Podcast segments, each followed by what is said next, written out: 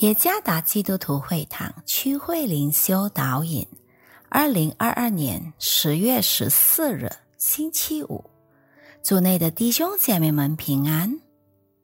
今天的灵修导引，我们将会借着圣经诗篇五十一篇第十节来思想今天的主题：被修复的心。作者李伟锦传道。诗篇五十一篇第十节：神啊，求你为我造清洁的心，使我里面重新有正直的灵，正直或作坚定。伊斯多尔·齐默尔曼 （Isidor Zimmerman） 因为犯下的罪行而被判入狱二十五年。因着一个伪证，他被指控谋杀了一名纽约的警察。他最终被证明是无辜的，直到一九六二年，他才被释放。然而，他之后就能过上幸福的生活吗？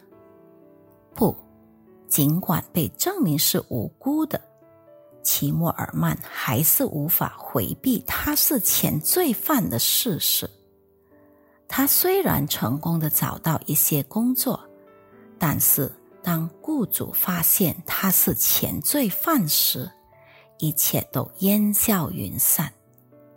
过去的确实已经被清除干净，但社会仍然不能完全接纳他自己。当我们接受耶稣为主和救赎主时，情况就截然不同了。我们都是罪人，但由于基督与他的赎罪工作，赦免了我们所有的罪，包括原罪和过去所犯下的罪。今天的灵修经文里，大卫王对他与拔示巴所犯下的奸淫罪表示悔恨，他祈求上帝将他的罪孽洗除净净。并恢复他作为上帝选民的特权，即恢复与上帝关系。上帝不再纪念我们的罪愆和过犯。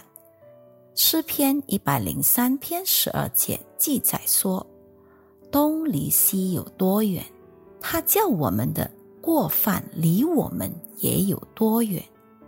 他为所有要相信并接受他为主。”和救赎主的人赐下一颗新心，一颗已被修复的心。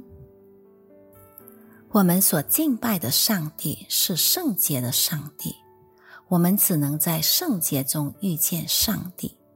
然而，却没有一个人类是圣洁的，唯有借着上帝在耶稣基督里的恩典，才能涂抹我们所有的罪孽。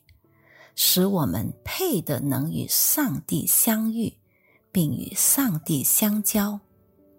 我们被赐予一颗新心，一颗不断被他更新与修复的心。已被修复的心，不再怀有罪恶、伤痕和仇恨。已被修复的心，是一颗充满着爱和宽恕的心。已被修复的心，是一颗愿意顺服圣灵引导的心；一颗已被修复的心，作为只有基督才能赐予生命更新的证据。愿上帝赐福于大家。